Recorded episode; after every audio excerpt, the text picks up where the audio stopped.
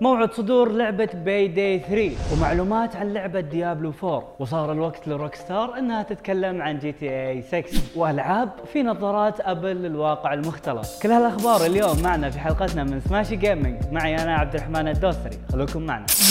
رجعت اللعبة الجماعية Payday 3 للظهور مؤخرا من خلال عرض تشويقي قصير مع التأكيد إنها راح تصدر هذه السنة. ووعدونا باستعراض أسلوب اللعب خلال الصيف ويمكن يكون خلال مؤتمر Summer Game Fest وبحسب المسرب لوميا فإن موعد صدور اللعبة هو 21 من سبتمبر. وفي حال إذا استعرضوا اللعبة في المؤتمر فما راح ننتظر كثير عشان يأكدوا لنا صحة التسريب. أعلنت شركة Blizzard Entertainment عن أن اللعبة ال action وال RPG Diablo 4 اللي اصدرت أمس إنها صارت اللعبة الأسرع مبيعا في تاريخها مع تحقيق أعلى رقم للمبيعات ما قبل الإطلاق للحجز المسبق. واللاعبين لعبوا أكثر من 94 مليون ساعة في اللعبة يعني أكثر من 10000 سنة. وهذا الرقم يشمل اللاعبين اللي وصلتهم التجربة من بدري.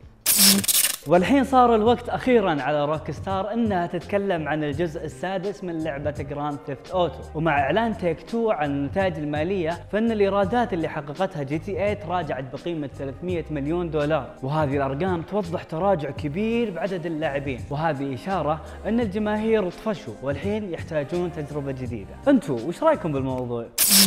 كلنا نعرف أن Apple في مؤتمرها أطلقت الواقع المختلط Vision Pro وراح تصدر السنة الجاية. هذا الجهاز يقدم واجهة ثلاثية ابعاد ويمديك تحركها بالعين واليد والصوت وفيها 24 مليون بكسل. وراح يكون فيها معالج Apple Silicon وراح تدعم أكثر من 100 لعبة من ألعاب Apple Arcade. وإنها راح تقدم بالشحن الكامل ساعتين من اللعب المتواصل.